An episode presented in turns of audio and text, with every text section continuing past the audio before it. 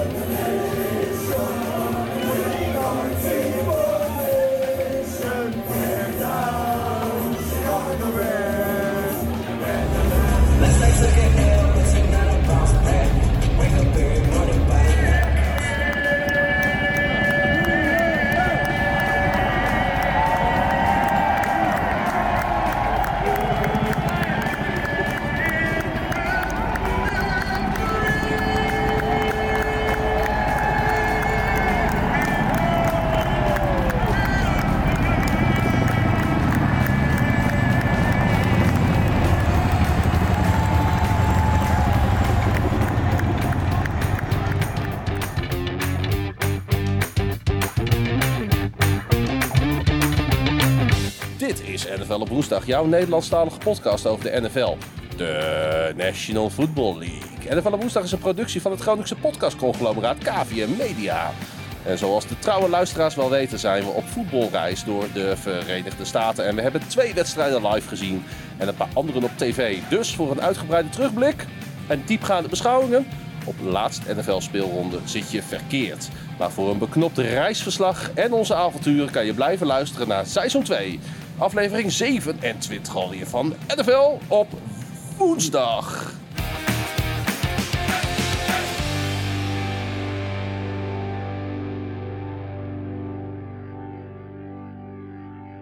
Ja, we zitten op vliegveld eh, te Ja. wachten tot wij naar Baltimore kunnen vliegen, Klaas. We zitten op dit moment op Wayne County Metropolitan Airport. Nabij Detroit. ja. En we zitten hier met z'n drieën. Aan mijn rechterkant natuurlijk eh, Pieter. Hallo. En tegenover mij Frank Hallo. Metsenmakers. Goedemiddag. Al een paar keer eh, te gast geweest. Beetje hard eh, praten, Frank. Kunnen precies. mensen je goed horen? Want we zitten met een soort van opnameapparaat tussen ons in. eh, terwijl de monorail zeg maar, aan de linkerkant voorbij rijdt op Detroit Airport. Misschien wel goed om onze situatie even te schetsen. We zitten bij gate A66. eh, te wachten op onze vlucht van Delta Airways van Detroit naar Baltimore. En ehm, ja, we zijn op dit moment met z'n negenen op reis. Ja, mooi hè? Het waren er acht, nu zijn het er negen. Want, eh, nou ja, misschien kun je het even uitleggen, Frank. Nou ja, mijn... eh, Sorry? Harder. Harder. Mijn... Hoe weet jij dat nou? Hij heeft de koptelefoon op. Precies. Mijn, eh, mijn verloofde is net gearriveerd. Dus die, eh, die komt het, het laatste stuk van de reis eh, ons, eh, ons vergezellen. Die zit in het onderwijs, dus het aantal vrije dagen eh, buiten de vakanties is beperkt. Ja, het grappige was dat, eh, dat eh, jouw vriendin Judith, voor anderen beter bekend als Vrouwke, die zou via New York naar Baltimore vliegen, maar haar vlucht werd omgeboekt naar Detroit. En daardoor komt ze precies op de vlucht die wij ook nemen. Ja, het is ongelooflijk. En dat is een coincidence. Ja, maar. dat, is niet de, niet de enige vlucht vandaag die in Amerika plaatsvindt. Maar bij Nee. toeval zitten wij op dezelfde vlucht. Dus zij is uur of vier geleden is zij hier aangekomen. Terwijl de monorail weer voorbij komt. en eh, zij vergezelt ons nu op, eh, op de rest van de reis. En eh, zij gaat voor het eerst naar, eh, naar Baltimore. Ja, ze Ja, komt ook, dus, ze, komt ook net hallo, even aangelopen. net aan. Misschien kun je even hallo zeggen tegen de luisteraars. Goedemiddag, ja, ik hoorde dat jullie het over mij hadden, dus ik denk, ik kom even buurten. Ja, heel gezellig. Maar Ja. ik wilde eigenlijk de monorail pakken naar de andere kant en dan teruglopen. Ja, dat kan. Dat kan. Dat vond ik gezellig. Nou, dan Ja. zwaai je even Omdat vanuit de ik een keer monorail. met de monorail wil. Ja, doe nou, dat. dan, je kan beter lopen en dan terug met de monorail. Dan weet je precies of je op het middelste station of het eindstation wil pakken. Nee, ik wil sowieso het eindstation, want ik wil alles meegemaakt hebben. Nou, dat, is, dat is een mooi bruggetje, denk ik, naar onze reis. Alles meegemaakt hebben. Want, eh, Succes! Jo, tot Doei. straks. Doei. Beste mooi weer. Eh, We zijn eh, vorige week Donderdag. zijn we vertrokken naar Schiphol. En daar ontmoeten we de hele groep. En eh, toen vlogen we naar Chicago. En, eh, nou, Op vrijdag, hè? Op vrijdag. eh, Op vrijdag inderdaad. En ik denk dat we maar moeten beginnen bij het begin. En dat is college voetbal. Daar hebben we het niet zo heel vaak over in NFL op woensdag. Maar eh, we hebben eh, op onze eerste volle dag... Ja, ja, ja, de engagement komt ook zo. Ja, Ja, rustig nee, maar. ho, we, hebben, we, hebben een, we hebben een heel schema. Hè? We Ja, wil hebben eerst, script. wil je Ja. eerst graag naar de engagement? Ja, Laten we met, met de engagement eh, beginnen. Oké, want we hebben trouwens niet zoveel tijd. Waarschijnlijk moeten we deze uitzending onderbreken omdat onze vlucht straks moet boorden. Ja. Maar laten we dan beginnen bij onze engagement. En eh, ik heb via Twitter en Instagram heb ik aan onze luisteraars gevraagd of ze nou, nog wat te melden hebben of ze iets van ons wil- willen weten. En er kwam een mooie vraag binnen van Mark Bremer op de Twitters. Hij zei: Wat kunnen wij in Nederland van de Amerikaanse sportbeleving leren en welke aspecten moeten absoluut aan de andere kant van de plas blijven? Ehm, nou ja, misschien schot voor de boeg, Frank. Wat, eh, wat kunnen wij, wat kunnen wij eh, qua Europese sportcultuur van de Amerikaanse leren? Ja, ik denk het feit dat in de Amerikaanse sportcultuur het bezoeken van het stadion een belevenis op zich is. Dus het bezoeken van het stadion is zoveel meer dan alleen de wedstrijd. Eh, daar kunnen we in Europa ontzettend veel eh, van Ja. leren. Ondanks dat er zeg maar miljoenen mensen zijn die op de televisie die wedstrijden kijken, vinden die teams, die NFL-franchises, maar ook de basketbal en, eh, en, en andere sporten, het toch heel belangrijk dat mensen naar de stadions komen. Want volle stadions is dus heel belangrijk voor die franchises. Ja, zeker. En het is natuurlijk heel gemakkelijk om thuis voor de televisie te zitten en daar eh, van alles eh, te volgen en meerdere wedstrijden tegelijk te kijken. En hebben wij deze week natuurlijk ook meegemaakt van de, van de wedstrijden die we niet bezoeken, hebben we echt heel weinig gezien voor onze doen. Normaal kijken Ja. we alles, maar het is niet dat we minder meegemaakt hebben. Moeten we zo'n game day schetsen? Om aan te dat- geven wat, wat, wat je beleeft op zo'n dag? Ja, dat kunnen we doen. Ik denk, ik geef jij maar eens een schot voor de boeg van, eh, van, Nou ja. van, van een game day. Nou ja, goed. eh, dat begint in het geval van... Laten we met de eerste wedstrijd beginnen. Ravens at Bears. Op Soldier Field. En die wedstrijd begon lokale tijd in Chicago om 12 uur 's middags. Klopt. Dat betekent dat je hartstikke vroeg moet opstaan. Want je wil ook tailgaten. Ja. Dus ehm, wij probeerden om een uur of 7, 8 allemaal eh, gereed te staan... om eh, richting het stadion te gaan. Ja. Dat lukte niet helemaal. Eh, niet helemaal. Uh, onze Airbnb is er overigens, eh, was er overigens heel goed op ingericht. Met voldoende slaapkamers en, en badkamers. Maar de avond voor de, voor de Bears game was het ook erg gezellig in Chicago. Dus het werd iets later dan gedacht. We hadden een pub bij ons Airbnb. Naast onze Airbnb ongeveer de Evendale Tap. Dus als je ooit naar Chicago gaat, ik zou zeggen bezoek deze pub met een bezoekje. Want het was uitstekende craft beers en uitstekend barfood. En eh, een scherm of 10, 12, 14 waar allerlei Amerikaanse sporten op te zien waren. Maar daar was het inderdaad erg gezellig de eerste avond. En eh, we hadden toch wat moeite ook om op gang te komen de dagen daarna. Klopt. En, eh, maar zo gauw we... We waren op een gegeven moment toch met, met z'n vijven op weg naar Soldier Field. We hadden zes? Nee, met z'n zes. Met z'n zessen, ja. Met z'n zessen op zoek op, met de lift. Lift is een soort van Uber naar, eh, naar Soldier Field. Nou, dan kom je daar aan. En dan staan al die parkeerplaatsen rondom dat stadion. Die staan vol met mensen die daar hun trucks geparkeerd hebben. De achterklep naar beneden.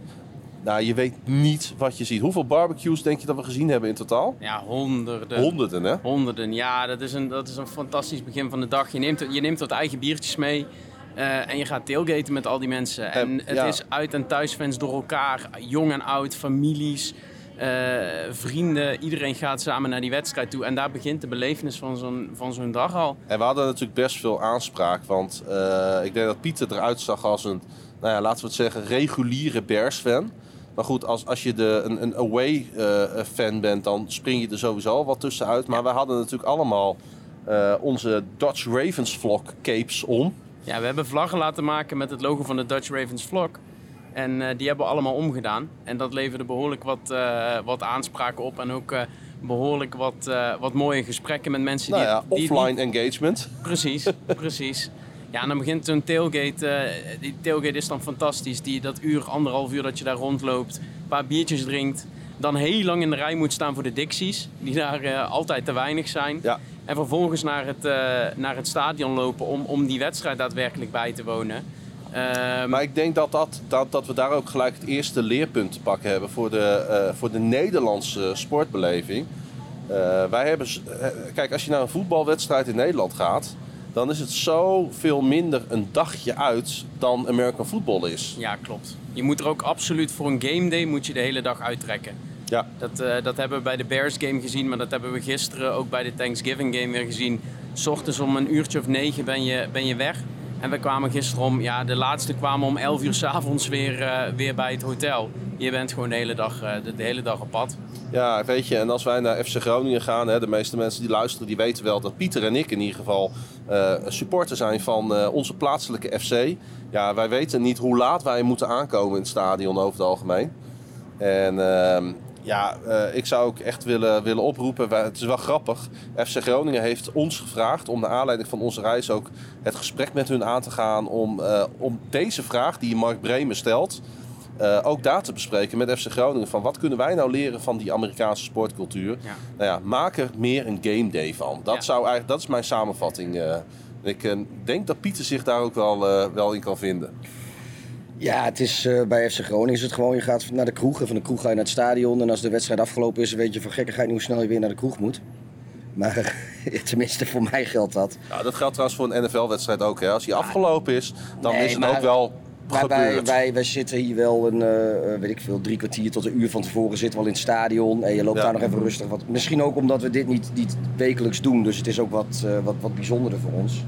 Ja. Maar ja, weet je, er is daar gewoon ook van alles te doen. En je kan gewoon fatsoenlijk eh, eten en drinken krijgen in, eh, in zo'n stadion. Het kost je wel een lieve duit, want zeggen, het is hartstikke niet duur. goedkoop zeg, eh, man. Wel hartstikke duur, maar het, het is er wel. En ja, weet je, het nodigt, nodigt veel meer uit om, om te blijven op de een of andere manier bij de NFL. Om, om daar wat langer te zijn. Maar dat geldt voor de Bulls en de Blackhawks ook. Het is niet erg om, ook als je al op je stoeltje zit, weet je, er is entertainment, er gebeuren dingen, je praat wat. Nou ja, we hadden ook mazzel met het weer natuurlijk. Want als je in de stromende regen op Soldier Field zit, was, dan eh, ga je ook niet... eh, Maar entertainment is ook wel een understatement als je naar een NFL-wedstrijd gaat. Want of, of een, of een Bulls game.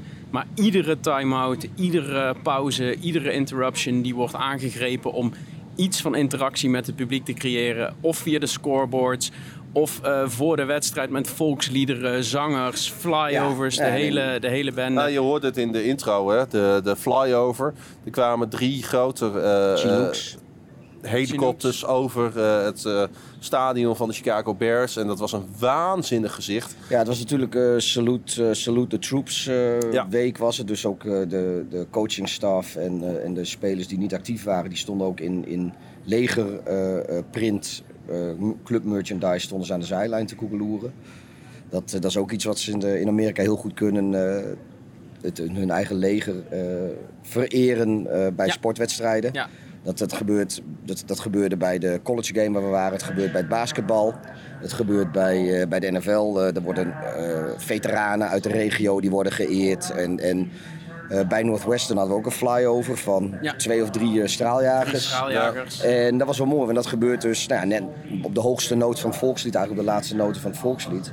Maar eh, ergens in het vierde kwart kwamen de drie piloten. Die werden nog even op het veld gebracht ergens tijdens een time-out om nog even, dat hele stadion Ja, nog even op eh, bedanken voor de Als flyover. je een soldaat eh, loslaat op een American voetbalveld, dan ontploft het stadion. Ja.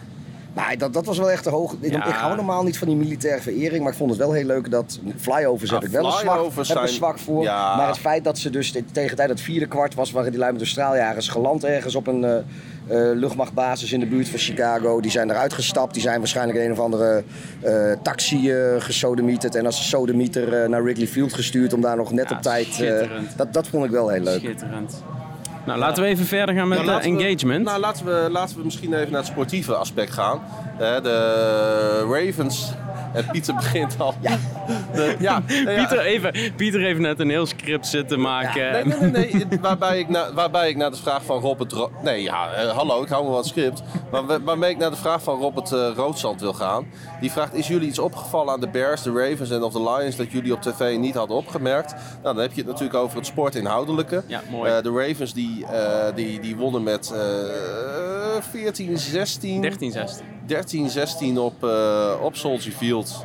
En de Bears wonnen hun eh, tweede wedstrijd, dus de Thanksgiving game in Detroit. 16, 14. Met 16-14 inderdaad. Ja, is maar wat High op... scoring games, man. Nou, is maar wat opgevallen in die wedstrijden. Nou ja, dat er natuurlijk ontzettend laag gescoord werd. Ja, op tv als je kijkt wordt er meestal meer gescoord. Dus Ja. dat, eh, dat, dat, dat Ehm, valt mij wel op. Ik denk dat dat eh, veel te maken had met de quarterback situaties. Eh, de Bears zagen hun starting quarterback Justin Fields natuurlijk uitvallen gedurende de wedstrijd. De Ravens moesten met hun backup quarterback spelen omdat Lamar Jackson een non-covid eh, eh, koorts had, griepaanval. Ja. Ehm, dus wij stonden op de, op de tailgate van, eh, van, voor die wedstrijd op de parkeerplaats. En toen eh, kregen wij van alle kanten al toegeroepen door de Chicago Bears fans dat Lamar niet eh, zou spelen. Daar hadden ze op zich enig genoegen in, de, de Bears fans. Maar goed, ze kwamen toch van de koude kermis thuis. Want het was de backup quarterback van de Ravens die uiteindelijk ja, toch bepalend bleek op, bleek eh, op de ene laatste drive van de wedstrijd. Ja, Huntley hè. Maar het was niet best, eh, Pieter, deze wedstrijd, eh, denk ik, samengevat. Eh, Op televisie ook niet, denk ik. nee. Nee. Maar zijn, zijn er zaken die jullie Ja, opvallen in het stadion die je thuis Ja, op tv niet, niet hebt? Holdings zie je op tv, zie je ze eigenlijk nauwelijks. Pas in de herhaling zie je dat. En Ja, en, Af en toe en zie je play zo- formations zie je heel goed ontstaan. Ja, toch? Je ziet heel goed als teams wisselen, andere formaties aannemen. En ik denk ook dat je in het echt pas echt ziet hoe snel het gaat. Hoe Ja. weinig tijd een quarterback heeft. Ja, En ook iets wat, eh, wat heel erg opvalt is als eh, een kick-off of een punt return. eh, eh, hoe bizar moeilijk dat eigenlijk is. En Ja. dat, als, als, een, als een speler dus de bal vangt, nou, we zeggen gewoon op de, op de 1 yard line of, of vla- vlak in de endzone. En hij rent hem er nog uit tot de, tot de 20 yard line. Wat voor prestatie dat eigenlijk al is. Is- Want zelfs bij nou ja, vrij matige special teams eh, wat betreft kick coverage hebben ze volgens mij bij alle drie de teams die we gezien hebben wel. De Ravens zijn er niet heel denderend in. De Bears zijn eh, kick coverage ook niet heel geweldig. En de Lions ook niet. Maar Ja, wij, nog. wij zaten twee wedstrijden achter de endzone. En dan zie je dus waar zo'n puntreturner op af moet rennen. Ja, hoe- dus je ziet scheef- gewoon een mannetje of twintig die dat veld Ja. af aan het rennen zijn om zo snel mogelijk bij hem te komen. Maar- en dan maar moet jij die ja. beslissing maken in een split second of En- jij en het, nog... Ja, het begint al dat hij eh, ergens in het midden staat. Of, of iets meer naar links, iets meer naar rechts. Een beetje afhankelijk van, eh, van hoe de wind staat waarschijnlijk. En wat de tendency is van de, van de kicker of de punter. Maar dan nog kan het best zijn dat hij eerst nog 30 meter eh, van links naar rechts moet, moet gaan bewegen. Om überhaupt de bal te kunnen vangen. En dan moet hij nog eens voor zich kijken om te zien waar zijn blokkers zijn. En ondertussen komen alle gunners van de, van de tegenstander die komen eraan. En ja, dat krijg je op tv eigenlijk nauwelijks mee. Zelfs met die spidercams eh, is dat wel heel lastig eh, om, om terug te zien. Hey Pieter, jij hebt nu de Bears twee keer zien spelen. Live, met je eigen ogen. Hoe staan de Bears ervoor, wat jou betreft? Ja, op dit moment absoluut kut. Want eh, dit seizoen dat draait om het ontwikkelen van, eh, van Justin Fields wat mij betreft. Nou, die is nu geblesseerd. En eh, sowieso is er zo verschrikkelijk veel afleiding. Dat ja, je, je komt er gewoon niet meer aan toe. Dat, ondertussen gaat mijn script uit, want mijn laptop is in de spaarstand gegaan. Ja, het is, het is een beetje een gekunstelde, maar dat is ook een mooie van deze podcast, gekunstelde podcast op een vliegveld. Maar inderdaad, ik denk dat je wel gelijk hebt. Het, uitvallen van je rookie quarterback, eh, wat de Bengals natuurlijk bijvoorbeeld vorig jaar ook hadden met Joe Burrow, dat is natuurlijk killing voor je seizoen. Want wat je, je wilt zien of je inderdaad je toekomstig franchise quarterback in huis hebt. Ja, nou, en, en nou ja, daarbovenop is er nu verschrikkelijk veel afleiding over wel of niet het eh, baanbehoud van, eh, van Matt Nagy natuurlijk. Wat voornamelijk tussen de wedstrijd tegen de Ravens en die tegen de Lions heeft gespeeld. Er zat maar een, eh, een, een vier dagen tussen eigenlijk, tussen die twee game days. En eh, ja, die, die stonden eigenlijk volledig, of drie zelfs. Het is een maandag, dinsdag, woensdag. Ja, zeg maar drie Ja. niet-speeldagen Ja. stonden ertussen. En ja, je, dat is al heel weinig tijd om je voor te bereiden op andere wedstrijd. En nu hadden de Bears strontmazzel dat het eh, de Lions waren waar ze tegen moesten. Maar eh, ja, dan wil je helemaal al dat andere gesodemieter niet hebben. En dat was nu ook wel. En dat is, leidt ook weer af van alles. En dat, dat wil je gewoon niet hebben. Dus in die zin vind ik dat de Bears eh, de weken dat ik in Amerika ben absoluut aan het verliezen zijn. Ook al wonnen ze één keer. Ja, wat, Ja, Wat mij nog op is gevallen, en dat is misschien ook leuk voor de Nederlandse luisteraars om te volgen, is dat wij als Nederlandse luisteraars heel veel moeite moeten doen om de NFL te volgen. Maar daardoor ook het spelletje verdomd goed begrijpen. Soms beter, meer dan de meeste mensen in het stadion. Er was een fourth and one play van de Chicago Bears in het eh, einde derde kwart. Waarbij eh Nagy eigenlijk de, de, de, de punter uitbracht. En het hele stadion ging, eh, ging joelen. En wilde dat ze ervoor gingen. Maar de Ravens waren eigenlijk nog helemaal niet met de kont uit de endzone gekomen. De hele wedstrijd niet. Maar Nagy viel eigenlijk een beetje voor de druk van het stadion. Er kwam een time-out. En hij wisselde eh, het punting team weer in voor, voor de offense. En ging ervoor. En die miste eigenlijk daar de, de fourth down. Waardoor de Ravens eindelijk aan de, aan de bal kwamen rond de middenlijn. En die wedstrijd in mijn optiek min of meer kantelde. Maar je zag gewoon dat dat hele stadion wilde die fourth and one. Terwijl het eigenlijk gewoon een hele domme Nee. keuze was. En, ja, en hetzelfde zag je eigenlijk ook in, in Detroit weer. Toen eh, op een gegeven moment eh, de Bears, zeg maar die wedstrijd, dat ze de klok helemaal uit konden laten lopen. Maar dat de Bears toen nog een time-out namen. En dat eh, ja, ook iedereen, tenminste de Bears van om ons heen, en er waren best veel, hadden allemaal zoiets van, en ook de Lions fans, van wat, wat de fuck doet hij nou? Waarom doet hij dat? maar dat was gewoon omdat eh, ondertussen was de tijd was, eh, naar 1 minuut 26 gegaan. Juist. En vanaf dan kun je knielen. Terwijl, en met Nagy die called dus de plays niet meer. Dus waarschijnlijk, en voordat de, de, de, de play ge- gedaan zou worden, was er gewoon nog een play call voor whatever. En de klok die liep terug. En toen de, play nog niet de bal nog niet gesnapt was op 1 minuut 26, zei met Nagy, doe ik nu Ja. een time-out, gaan we nu knielen. Ja. En vanaf nu doen we alleen nog maar kneel, kneel down, zodat we op één seconde een field goal kunnen Ja, maken. precies. En precies. dat was, ja, laten we niet doen of, die, of de Bears zo goed speelden in, eh, in Detroit. Dus een touchdown was zeker geen zekerheidje om Nee. daarvoor te gaan spelen. En gezien de wedstrijd tegen de Ravens wil je ook, ook al zouden er nog maar 40 seconden of zo op de klok zijn, je wilde de Lions gewoon de bal niet teruggeven. Je wilde het gewoon zelf winnen, klaar. Ja, maar jij begreep het en wij begrepen het allemaal, maar om ons heen een heleboel mensen niet. Nee. Nee, ik op denk, Twitter ook trouwens. Ik denk hoor, iets, ik veel ja, iets, iets leuks eh, om, om toe te voegen. Eh, als Nederlandse fan en je investeert in die sport. Ja, je, be- je bent wel al snel een kenner eh, hier in Amerika. En Amerikanen hebben dat ook heel snel door als ze met ons praten. We zijn echt wel onder de indruk van onze kennis inderdaad. En eh, nou ja, wil je dat nou ook een keer meemaken? En diezelfde Robert eh, die vraagt... wanneer gaat, gaat er volgend seizoen een NFL op woensdag reis plaatsvinden naar Amerika? Nou, da, da, da, daar durf ik, durf ik nu nog geen uitspraak over te doen. Bovendien eh, COVID en, Ik heb en geen idee wat voor wederdienende... eh, varianten dan... eh, Nee, weten we natuurlijk niet wat er allemaal gaat gebeuren. Maar ach, we staan er niet onwelwillend tegenover om eens een keer te kijken of we een groep bij elkaar kunnen krijgen om een toffe reis te organiseren. Het is echt de moeite waard. Zeker als je het kan combineren met bijvoorbeeld collegevoetbal, basketbal en ijshockey. Ehm, dus we komen daar zeker op terug volgend jaar. Henk de Gelder die vraagt: Hebben jullie ook zo genoten van het optreden van Big Sean? ja, die is En, vooral eh, voor jou, denk ik, die vraag. Een, eh, een, een grote eh, rap R&B-held in, in Detroit. Ja, nou ja, goed. ik, ja, ik vind het vreselijk. Nou, weet je, Maar in de context van Amerikaanse sportbeleving en in de context van een stad als Detroit, snap ik het wel. Dat, dat, dat ze voor zo'n artiest ook een keer kiezen. Nou, wat, wat, wat ik wel leuk vond, eh, dat voor de mensen die de wedstrijd op Fox gekeken hebben, die hebben dat ook gezien. Hij zat in de hij intro, zei, hij begon? Ja, dit ja, gaat over het Ja. Detroit Lions, eh, Ja. Chicago Bears, Ja. de Thanksgiving maar game. hij, hij, zat, hij zat tussen het publiek toen hij begon. Dat was op zich wel leuk gedaan. Maar wat voor ons wel jammer was, is dat podium was helemaal in de hoek van het stadion. En dat was een heel eind bij ons vandaan en een heel eind bij heel veel mensen vandaan. Terwijl twee jaar geleden toen we er waren, eh, was de halftime show zat in het midden. Het was gewoon een podium eh, zeg maar op de 50-yard line. eh, dan Oké, toen viel de stroom uit. Dat ging ook niet helemaal foutloos. maar maar ja, dat, dat was wel iets, iets toegankelijker voor het hele stadion. Op de een of andere manier had ik wel het idee... er staat er ergens helemaal in de verte staat er een stipje... die staat er wat op en neer te springen. En ik zie op het grote scherm wel wat er gebeurt. Maar ja, dus eh, je, ik voelde me niet echt betrokken bij de show of zo. Dus in die zin viel het tegen. Nee, het Los viel- van de muziek. Het viel mij ook heel erg tegen. Het was eh, de vorige keer inderdaad leuker.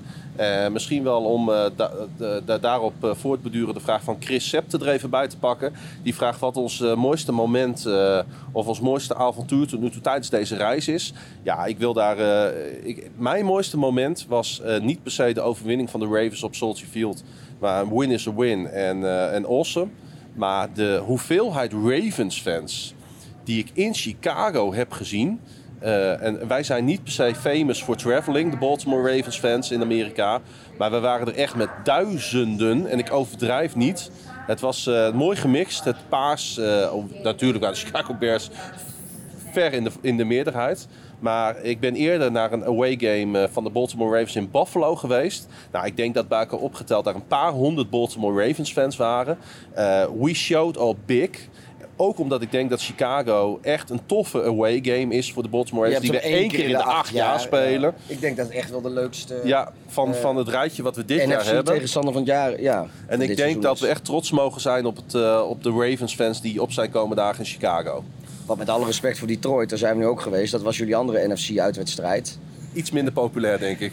en je toegewezen wedstrijd, weet ik niet wie dat was, is- van de 17, maar die was je thuis. Dus. Je Dat is eh, de St. Louis, of, eh, de St. Louis Rams de LA Rams. Ja. ja, dus de enige NFC-uitwedstrijden die je hadden, dat was eh, Chicago en Detroit. Heb jij nog een... Ja, dan is de keuze natuurlijk wel makkelijk. eh, Ja, absoluut. Heb jij nog een hoogtepunt, Pieter? Ik denk de, de, de Thanksgiving turkey in het Griekse restaurant in Detroit. Ik applaudisseer even. Dat, eh, dat was wel heel mooi.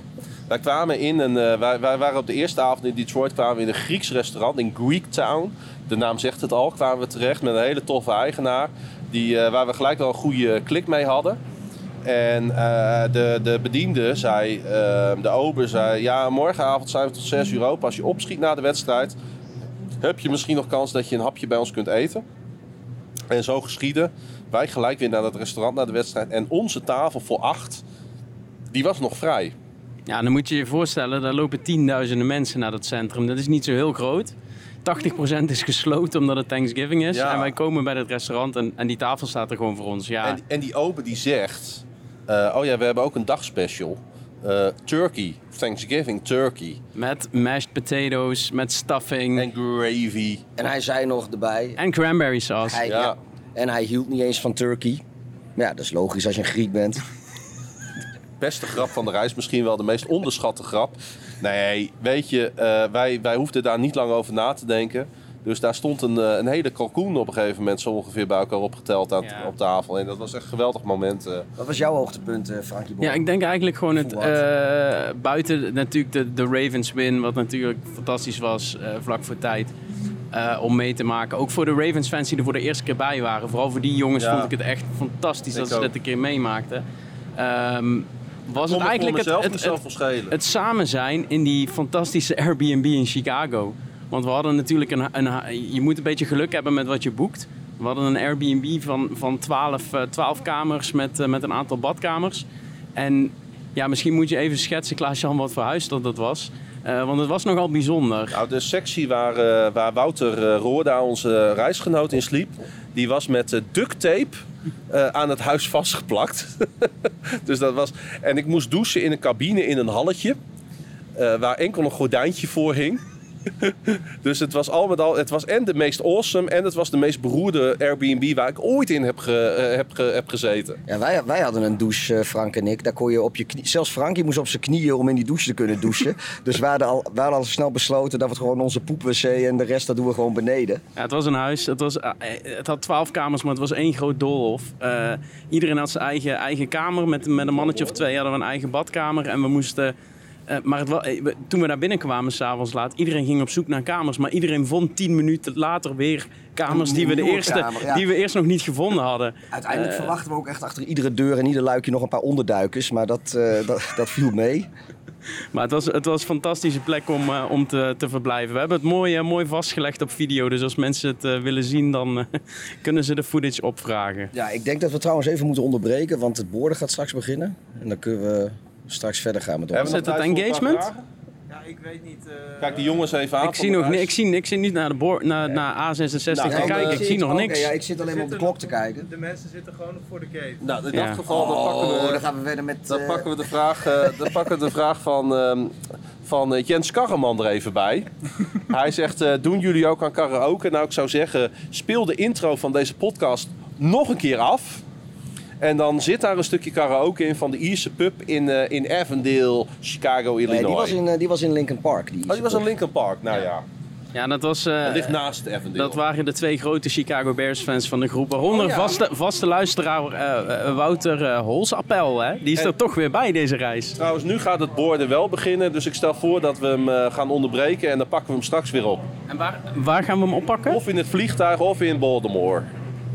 Ik zeg Baltimore. Klaas-Jan zegt altijd Baltimore. Ondertussen zitten we in, de- in, het, in het mooie Baltimore.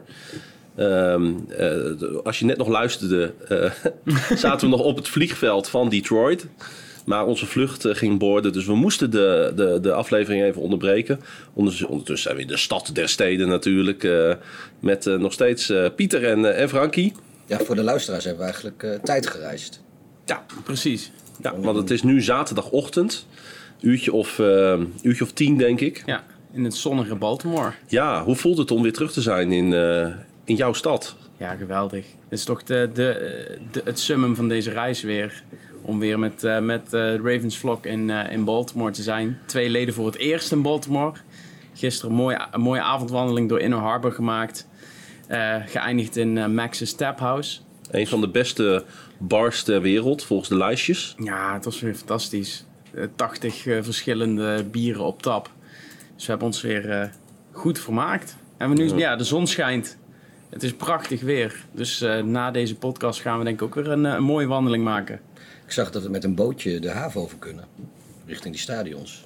Misschien- Is de, is de watertaxi actief? Ik heb geen idee. Ik zag iets staan op, eh, op Google Maps. Dus Want je hebt een watertaxi, maar in de winter ligt hij er vaak uit. Oh, Maar goed, we kunnen dat even bekijken, want dat is wel awesome om te doen inderdaad. Ja. eh, de watertaxi nemen in Baltimore. Want Baltimore ligt natuurlijk aan het water. Hey, laten we even teruggaan naar onze, onze luisteraars. En dan komen we zo meteen ook nog even terug natuurlijk op die eh, twee wedstrijden die we gezien hebben. En ehm, eh, ik wou eigenlijk verder met Mees. Mees Aaf, vaste luisteraar, die zegt... eh, wat zijn jullie reiservaringen tot nu toe? Graag een leuke reisupdate. Nou, Pieter heeft in het script gezegd... Nou Mees, je valt met je neus in de boter. Want daar is eh, deze podcast voor. Ehm, ja, misschien is het wel leuk om te vertellen... wat we naast eh, eh, de Ravens game eh, nog meer in Chicago gedaan hebben.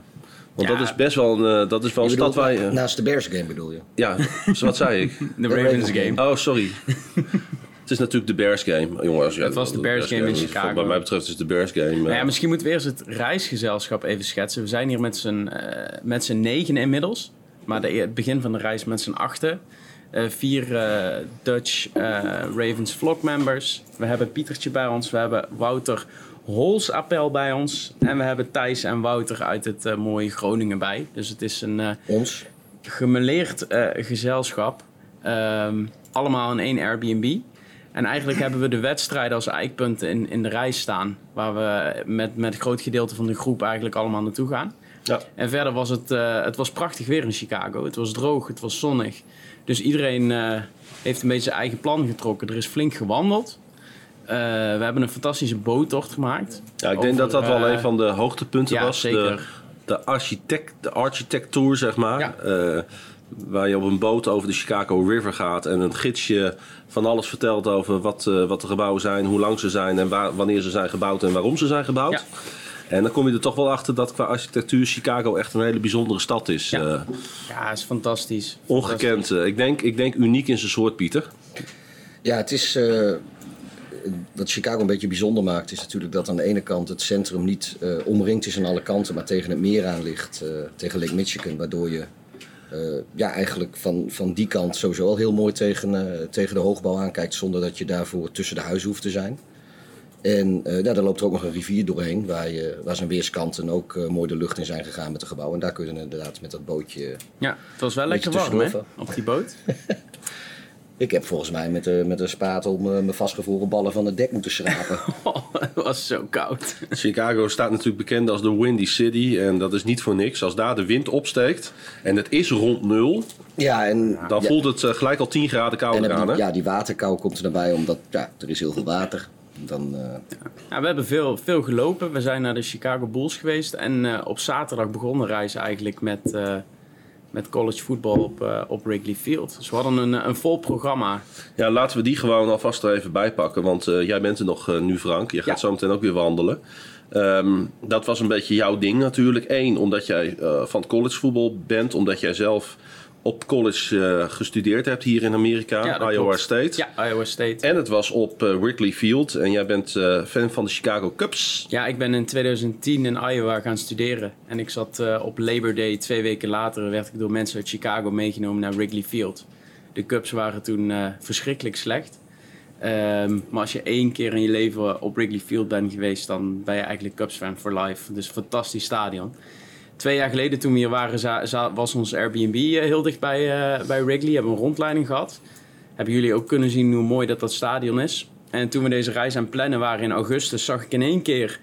Terwijl ik die wedstrijd van Northwestern aan het bekijken was. Want we wilden eigenlijk gewoon weer naar Northwestern. Wat we twee jaar geleden ook, eh, ja, ook gedaan hebben. Dat we vaker naar Northwestern gaan. Precies, ook als het niet op Wrigley Field is. Ehm, zagen we in één keer dat die wedstrijd op Wrigley Field was. Ja, dan komt voor mij natuurlijk alles bij elkaar. Ehm, was het probleem wel dat de kaarten toen schreeuwend duur waren in augustus. Dus we hebben de- wel een, dit is wel een wedstrijd waar we even mee gewacht hebben om, om kaarten te kopen. Zo Daar even op inhakend. Hè? Ja. Ik denk dat dit echt een wedstrijd is waar, waar ook de stad voor zou kunnen uitlopen. Waarom maken ze dan in vredesnaam die kaarten bij een collegewedstrijd zo duur? Want het was niet eens uitverkocht. Ja, omdat beide teams eh, vorig jaar best goed waren.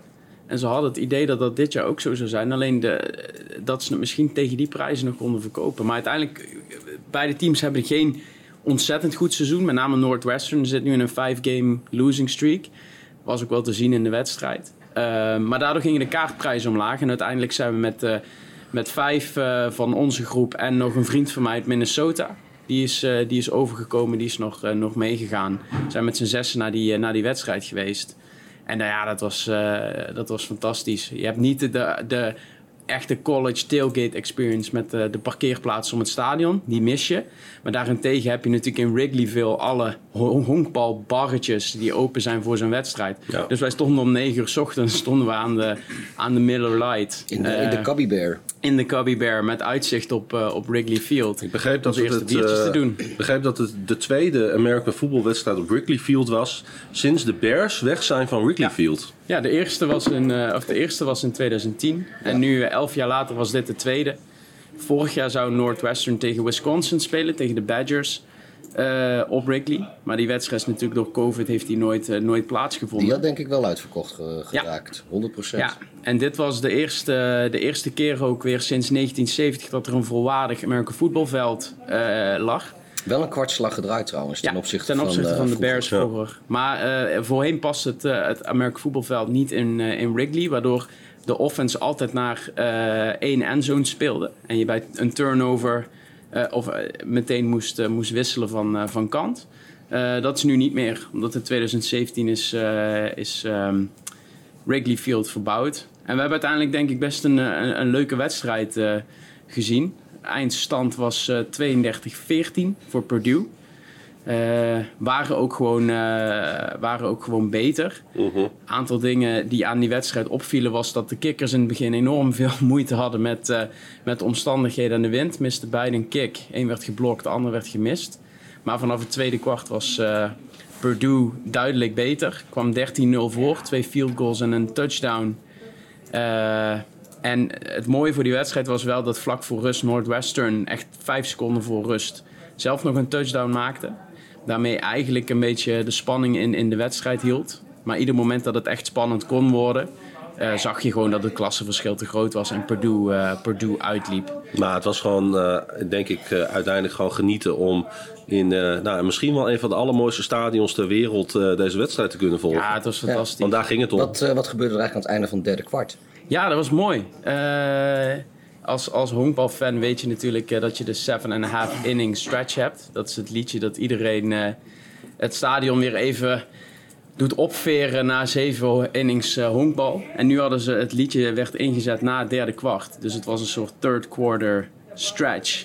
En eh, de organist van, eh, van de Cubs die ging achter zijn orgeltje zitten en die begon eh, Take Me Out to the Ballpark te spelen. Nou, dat werd eh, massaal meegezongen. Ja, dat was fantastisch. Nog, nog massaal dan het eh, volkslied. Vooral door jou. Vooral door mij, ja. ja ik, als, als ik de kans krijg om een 7,5 inning stretch te doen op Wrigley Field, dan ga ik wel mee, eh meebulderen, zeker. Hey, dan gelijk even door naar de NFL-dag. Naar de Ravens at the Bears op Soldier Field.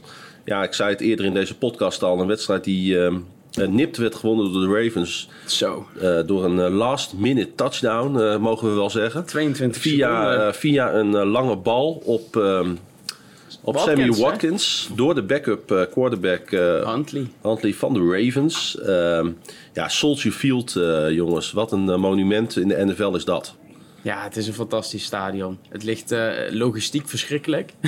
Omdat iedereen van één kant van de stad moet komen en al het verkeer ook letterlijk helemaal door Chicago moet. Maar als je er eenmaal bent, ja, dan is het fantastisch. Geldt trouwens voor alle, alle stadions in Chicago. Hè? Die logistiek is Ja. het allemaal een drama. Ja, de, de Bulls Nee, waren de- ook de, weer de een Bulls kun je drama. met openbaar is niet een komen. drama. Wrigley kun je niet komen. White Eh, Sox ook lastig. Ja, dat, dat is ook niet, niet handig. En dan moet En je door, door best wel beroerde wijken moet je dan ook om daar te komen. Afhankelijk van welke kant je komt, ja. Ja. ja. als je direct vanuit het centrum komt, zou het nog meevallen. Maar Ja, het is, eh, dat, dat, dat is iets wat ze in Chicago gewoon echt niet kunnen. Ja. De, de, de infrastructuur rondom een stadion op orde hebben. Aan de andere kant, dat maakt wel de charme gelijk van die stadions. Dat ze, het doet Europees aan. Zeker, ja. ja. Eh, Soldier Field doet zeker Europees aan. Het is het kleinste NFL-stadion. Nog steeds gigantisch, maar het kleinste.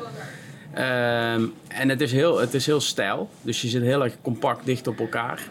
En ja, de wedstrijd die we gezien hadden was, was bloedstollend spannend. Ik denk voor de neutrale kijker thuis zeker niet goed. Ik denk de mensen die Game Pass kijken... zullen ook niet heel veel van de wedstrijd gezien hebben tot het einde. Eh, en toen kwam eigenlijk alles, eh, alles wel samen. Eh, en gaf die ene, ene drive van Huntley gaf, eh, gaf de doorslag nadat de Bears via Goodwin eh, met twee minuten op de klok hun, eh, hun tweede touchdown eh, van de middag maakten. En eigenlijk met 14-13 leken te gaan winnen. Ja, kat in het bakkie, Pieter, dacht jij waarschijnlijk. Nee, Oké. heb ik, heb ik geen seconde, heb ik geen seconde gedaan. Dat is wel waar. Dat, eh, er was geen Bears-fan in dat stadion die dacht, eh, dit, is, eh, dit is binnen. Dat maar zie er, je was, wel. eh, er waren op zich niet heel veel eh, aanwijzingen dat de Ravens eventjes nog een touchdown drive uit zouden persen. Nee, want ze hadden nog geen touchdown gemaakt, de hele wedstrijd niet. Nee. Ik, eh, ik eh, stuurde thuisfront ook een berichtje van... eh, dan gaan we hier verliezen van de Bears en we hebben geen touchdown gezien. En eh, het, zit, het zit ook allemaal niet, eh, niet mee vandaag. Het is hoop op een wonder. En dat, eh, dat wonder kwam. Dat kwam. Het was een eh, fantastische drive van, eh, van Huntley. En eh, eh, ja, dan zie je toch die, dat die NFL een raar spelletje is. Ja. Dat is toch- ja, die, die veel door die... wat, wel, wat ik wel over die game nog wilde melden was hoe. We zeiden het voor de grap of, of Justin Tucker de beste kicker in de NFL zou zijn als hij eh, in de NFC Noord zou spelen. Want je ziet het op tv niet, maar de wind eh, op Soldier Field, zelfs op zo'n straalblauwe zonnige dag, Ja. dat is ongekend. Die, die field goal die Tucker maakte in dat, in dat, ik denk in het vierde kwart van De derde, derde kwart, field goal van ongeveer 48 yards was die dat. was zo moeilijk. En dat deed hij, dat deed hij zo knap. Want eh, hoe heet de kicker van de Bears? Santos. Cairo Santos. Cairo Santos miste een exact dezelfde field goal de eerste helft. Maar wij zaten erachter en je ziet die palen bewegen. Maar je ziet ook die vlaggetjes boven op die palen. Ja. En dan zie je dat het vlaggetje op de linkerpaal een andere richting op waait dan het vlaggetje op de rechterpaal. Klopt, ja. Ah, En dat is en aan de- zo moeilijk. En de vlaggetjes op de paal aan de overkant, die hangen er gewoon een beetje Ja. lafjes bij. Ja. En wij, en wij zaten niet in de wind. En op een gegeven moment zaten wij weer wel in de wind. Maar waren de vlaggetjes 10 meter voor ons, 20 meter voor ons waren stil. Ja, het is ongekend. Ja, het is- ongekend wat, daar, hebt, eh, Eh. wat Tucker daar doet hoor. En het is, dat, dat is wel iets dat me is bijgebleven van die wedstrijd. Eh, de, de- het respect voor Justin Tucker als, als kicker. Je kan in de Dome in Detroit kan Ik, je die eh, 66 yarden maken. Ik hoorde het om me heen ook trouwens. Dat eh, toen hij die field goal binnen, eh, binnen eh, trapte, hoorde ik mensen om me heen zeggen, Bears fans, oh well, it's Justin Tucker, he's the GOAT. Ja, Dus het respect ook van het publiek aan de kant van de Bears was echt wel voor deze, voor deze kick inderdaad. hey, Pieter, ehm, ehm, het, het- de, de sfeer in het stadion richting Matt Nagy, de headcoach van de Chicago Bears, was, eh, was eh, nou negatief. Ja, het hele, ik denk dat dat al de laatste anderhalf seizoenen zo is. Alleen eh, eh, de afgelopen weken is dat een beetje tot een kookpunt gekomen. Komt nu wel aan het oppervlak, hè? Ja, eh, ja we, kijk, de, het hele seizoen is natuurlijk alweer tegenvallend. Eh, mensen hadden een beetje hoop dat, eh, dat, dat met Justin Fields eh, eindelijk die, die aanval een beetje zou gaan lopen. Maar dat is het hele seizoen is het alweer naadje. En ja, tegen, tegen, de, eh, tegen de Ravens was het ook niet, eh, niet echt wat. Nou, we gaan, eh, ik ga de podcast verlaten. Wij gaan, eh, wij gaan aan de wandel eh, door de Inner Harbor naar Camden Yards van de Orioles en dan naar het stadion van de Ravens. Met het groepje Ravens fans. Ja. Maar eh, Wouter Holzapel, vaste luisteraar, die gaat, eh, En technicus. en technicus, die gaat mijn plek innemen. En die gaat eh, ook een stukje vertellen over hoe het als debutant is om eh, bij een NFL-wedstrijd te zijn. Als Kom, jij, Heidi. kan jij daar langs, dan schuif ik ja, ons ik door. kan hier langs. Ja. Even terugkomen op, die, eh, op inderdaad Matt Nagy en zijn positie bij de Bears. Misschien dat eh, de realiteit ons wel in gaat halen. En dat op het moment dat mensen deze podcast luisteren... dat uh, Matt Nagy geen headcoach meer van de Chicago Bears is. Dat zou natuurlijk kunnen. Nou, die, die kans acht ik niet zo groot. Ze hebben natuurlijk net eh, wel weer van de, van de Lions gewonnen. Vraag niet hoe, maar dat, eh, dat is gelukt. En zolang als de Bears bestaan, hebben ze nog nooit eh, midden in het seizoen een coach ontslagen. Dus ik, ik sluit het niet uit. Maar op dit moment, ik zou er geen geld op inzetten dat het gaat gebeuren. Een groot deel van het... Nagy. Ja. Een groot deel van het publiek die, eh, eh, die, die, die ziet denk ik zijn ontslag wel zitten. Sta jij eh, achter dat deel van het publiek? Nou, het, het is een beetje dubbel. Want je wil natuurlijk dat het gewoon eh, een beetje soepel loopt eh, bij, eh, bij het team. En dat is nu niet het geval. Maar ja, de, de feiten die, die, die zijn er gewoon overduidelijk. Justin Fields, die, die moet ontwikkeld worden. Dat is het allerbelangrijkste op dit moment voor de Bears. En de offense, die, die blijft eigenlijk ja, net zo matig als dat hij de afgelopen jaren al was. Terwijl Nagy juist is binnengehaald om, om de offense aan de praat te krijgen. En er iets, eh, iets moderners van te maken. Maar ja, de Bears zijn nog steeds dezelfde Bears. Sterke defense eh, over het algemeen. En, eh, Ja. en dus niet te veel punten krij- tegenkrijgen. Omdat je ook niet in staat bent om veel punten te scoren. En dat, dat zou veranderen onder Nagy. En dat is niet gebeurd. En nou, hij zit in zijn vierde jaar. Met zijn derde quarterback. Als we even de, de backups niet meerekenen. Maar met, met Trubisky en Foles. En nu Justin Fields. Ja. Ja, eh, hoe lang, hoe lang moet je zo'n man dan de kans geven? Ik bedoel, het is eh, ongetwijfeld een hele aardige man. En ik gun hem, eh, ik gun hem helemaal niet eh, dat hij op straat ge, gekieperd wordt. Maar het, het moet een keer stoppen. Ja. moet, de Bears zijn belangrijker natuurlijk. Ik moet eerlijk zeggen dat ik blij ben dat ik dat probleem bij de Ravens niet heb met John Harbaugh. Die daar natuurlijk al vele jaren headcoach is. En een baken van stabiliteit in die organisatie. Ik moet wel zeggen, als ik zo'n organisatie dan naast de teams zet die ik heb gezien eh, tot nu toe hier in Amerika, de Lions en de, en de Bears. Dan, eh, dan is het toch wel opmerkelijk hoe de ene franchise ervoor kan zorgen dat ze een, een constante stabiele basis hebben. En andere franchises er eigenlijk keer op keer een soort van Ja. organisatorisch potje dat, van maken. Dat, dat kan ook zo in één keer weer veranderen. Ik bedoel, bijvoorbeeld de Bears die er nu eigenlijk een potje van aan het maken zijn. Die hebben de eerste 60 jaar van hun bestaan maar twee trainers gehad. Ja. Dus dat was, was ook gewoon hartstikke stabiel. Maar op een gegeven moment houdt het een keer op. En dan eh, neem je iemand aan die niet zo presteert als je denkt eh, dat zou moeten. En, eh, Misschien dat de verhuizing naar een nieuw modern stadion met alles erop en eraan wat je wil als, als NFL-team in, in een modern era, dat dat helpt. Ja. Gaat helpen. Hey, eh, we gaan het toch niet de hele tijd over, dat spo- over NFL hebben? nee, nee, nee. We gaan ook nog even met jou praten. Hey, Pieter, nee, want we, ik wou inderdaad eigenlijk, eh, Oh. eh, eh, nou ja, ik wou eigenlijk naar, eh, naar de volgende wedstrijd toe. Namelijk die waar jij bij geweest bent. oh ja, nou, ik wou ook nog wel wat over die Bears eh, game zeggen. Want ik was toen buiten het stadion. Ja, En eh, eh, ja, dat, het, er hangt dan echt een hele bizarre energie rond zo'n stadion. Ja, ik weet niet wat het is, maar eh, wij zijn expres weer weggelopen omdat we eigenlijk toch liever wel mee waren gegaan naar binnen. Omdat, ja, de- je hoort het publiek heet het, bij elke actie hoor je dat opveren. En nou, toen dachten wij van, eh, nou we lopen wel een stukje verder weg, want eh, eh, je, wordt gewoon, je wordt er gewoon naartoe getrokken, zeg maar. Mm.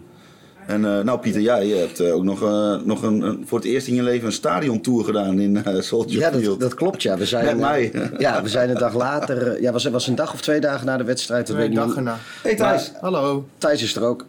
Eh, die, Thijs Faber, bekend van Kon Veel Minder, de podcast. En tegenwoordig ook Bears-fan. En tegenwoordig ook Bears-fan. gefeliciteerd. Ik, ik heb een jersey namelijk, dus Dan telt het. dan ben je Ja, fan. dan, dan ben je er eentje. Nee, maar wij eh, we waren even in de, in de, op die Museum Campus. eh, dat is eh, de, de omgeving direct rondom, rondom Soldier Field. Waren we wat aan het, aan het rondlopen. En nou, we liepen nog een rondje om het stadion. In één keer zagen we een groepje mensen naar binnen gaan. En we hadden zoiets van, nou, daar lopen we gewoon achteraan. En zien we wel wat er gebeurt. Nou, toen kwamen we kwamen in zo'n hokje terecht. En toen vroeg zo'n mevrouw aan mij, wat is mijn naam en met hoeveel was ik? Ik zei, ja, ik sta niet op een lijst of zo. Oh, maar, maar wil je een stadiontour? Ik zei, ja. Ja, ja, dat kost dat. Nou, dat was 20 dollar 15. geloof ik. Of 15 dollar. Nou, huppatee, eh, wij met waren toen met z'n vieren. Nou, onze naam op de lijst, eh, eh, creditcard door het apparaatje geswiped en we zijn rond gaan lopen op Soldier Field. Ja, en dan heb je dus eh, de, krijg je de rondleiding van iemand die dat parttime doet. En hij is ook brandweerman. Ja, en en het hij- eerste wat er dan gebeurt is dat iemand achter, achter mij zo zei... thank you for your service. Dan meteen zo'n zo'n zo'n bescheiden knikje van... Ja, Nou, misschien is dat een element die we er nog even uit kunnen plukken. De, ver- de verheerlijking van, Ja. ehm, van dan wel eh, army eh, personnel, dan wel de mensen die in de hulpdiensten werken, is buitensporig. Dat hè? hele, dat hele stadion is ernaar vernoemd. Ja, dat En klopt. eh, wij, hebben, wij hebben gewoon, wat, wat dus kan, ik weet niet of, of, het, of jij dat al wist, Pieter, voordat je die tour had gedaan, maar dat dus eh, mensen van bijvoorbeeld overleden familieleden, die konden hun, hun eremedailles opsturen naar Soldier Field. En die worden daar dan in de muur worden die erin Wat is het? Ja, in ieder geval is het is vereeuwigd in het stadion. Zo Ja. ergens in de, in de muren. Ook niet lafjes er tegenaan geplakt. Nee, het, zit er, het zit er echt in. Eh, dat is, is dan echt onderdeel van het stadion. Dat is Ja. wel ook waarom dat stadion natuurlijk nooit kan en mag verdwijnen. Nee, het Dat is... gaat toch, toch niet gebeuren? Nee, dat- de Bears zeggen misschien wel. De, de, de, de Bears zullen er... eh, Volgens onze tourguide was dat wel... eh, Ja, de Bears gaan er weg. Ik bedoel, de eigenaren van de Bears die hebben eh, dat, dat stuk grond bij Arlington Heights gekocht voor, voor weet ik hoeveel honderden Mhm. miljoenen. Dat hebben ze echt niet gedaan om, eh, omdat ze daar een paardendrafbaan willen gaan bestieren. ja, dat, dat staat er nu. Dat staat staat, er nu, staat ja. nu een drafbaan en die wordt afgebroken. Ja, ik zie een trend op de wereld. Ik wou net zeggen, weg met drafbanen. Ja. In Groningen is die ook al niet meer. nee, maar goed, dus dat... eh, Nou, misschien ja. kunnen ze daar ook een stadion bouwen voor eh, de Groningen. Eh, maar inderdaad, even terug naar die, naar die, naar die verheerlijking. eh, dan wel eh, waardering die ze hebben voor, eh, Ja, dat is wel voor met name het legerpersoneel. Ja, wij, wij- ik ben daar heel hypocriet in. Want eh, ik vind een flyover vind ik echt schitterend. Als je in het stadion zit. Vooral als op Detroit. Ja, ja die- zij was er in Detroit schijnbaar ook. Maar ja, dat, dat is een overdekt stadion. Dus daar hebben we niks van meegekregen. Maar eh, ja, dat was op, eh, op Wrigley Field bij die college game. En eh, een dag later op Soldier Field ook. Eh, bij de ene komen de drie straaljagers. Bij de andere drie van die helikopters. Ja, dat, dat is wel een soort kippenvel eh, Ja. moment. Dat is echt schitterend. Maar verder, ja, weet je, dat, dat gepromoot van het leger. Ik, ik hou er allemaal niet zo van. Ik, eh, ja, ik, ik, ik heb er niet zoveel mee. Nou ja, ja, in Detroit, ik was dus toch op mijn dus eerste wedstrijd. Ja, misschien moet ik straks mee doen, maar... Ja, dat hele stadion wordt gek. Ja. Nou ja, Ja, dat- hoe, hoe vond je Ja, want weet je, genoeg, zeker, we gaan, graag, eh, ik, ben helemaal klaar met, eh, met de Bears en de Ravens voorlopig, eh, die wedstrijd. Dus, Jij, eh, jij had kaartjes eh, eh, aangevraagd voor de tweede NFL-wedstrijd Ja, in de ja, reis. ja, de ja. Bears at the Lions op eh, Ford Field, het overdekte stadion van Detroit. Eerst door Pieter meegenomen eh, naar Wrigley Field om het stadion daar te bekijken. En in die, eh, in die shop daar een, eh, een jersey te kopen van eh Cohen. Cohen, 29, mooi nummer ook. En eh, ja, ik ben ook eh, nu helemaal voor de Bears natuurlijk. Ik zie al een beetje ver- verdriet in je ogen. Maar, Nee hoor, helemaal niet. Eh, eh, Ik ben vooral verdrietig voor jou.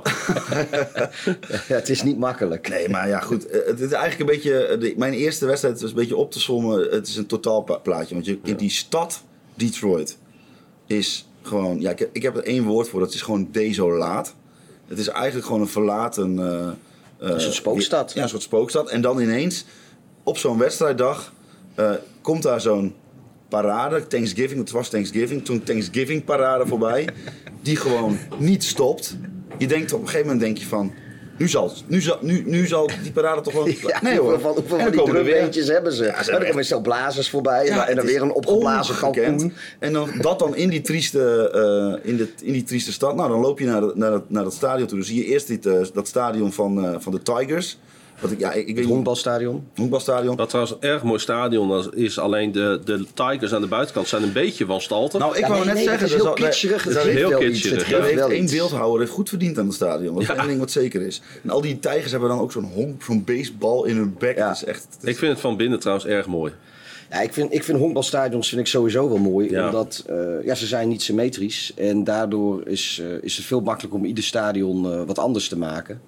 Ik denk bij, eh, bij voetbalstadions, dat is al snel gewoon ja, een veld en, en een Ja. vierkante tribunes eromheen. Wat zo'n bak wordt het dan. En eh, nou, eh, volgens heeft Pieter nog een foto van mij gemaakt met zijn telefoon in de voedselstand. Dus dat was ook mooi. Ja, maar dat was wel goed gelukt. Dat was wel goed gelukt. En dan, nou ja, dan... dan, dan Maar je bent ook om op te eten. dus.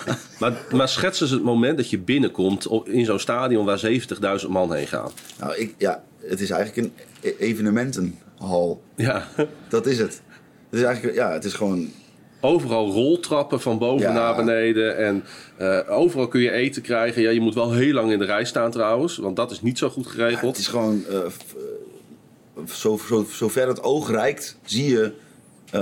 word je visueel geprikkeld. Ja. Dus nou, je kunt naar boven kijken, naar het dak, naar die stalen constructie. Die schermen die zijn groter dan de gemiddelde stadions in Nederland. Het, het, overal zitten, zijn mensen. En, volgens mij, als die wedstrijd begint, zit nog maar 20% van de mensen op hun plek. En na, na een minuut of vijf, zes stroomt het stadion vol. En na eh, een kwartier later gaan de eerste alweer weg. Dat is echt bizar. We hebben mensen gezien die gingen op hun plek zitten.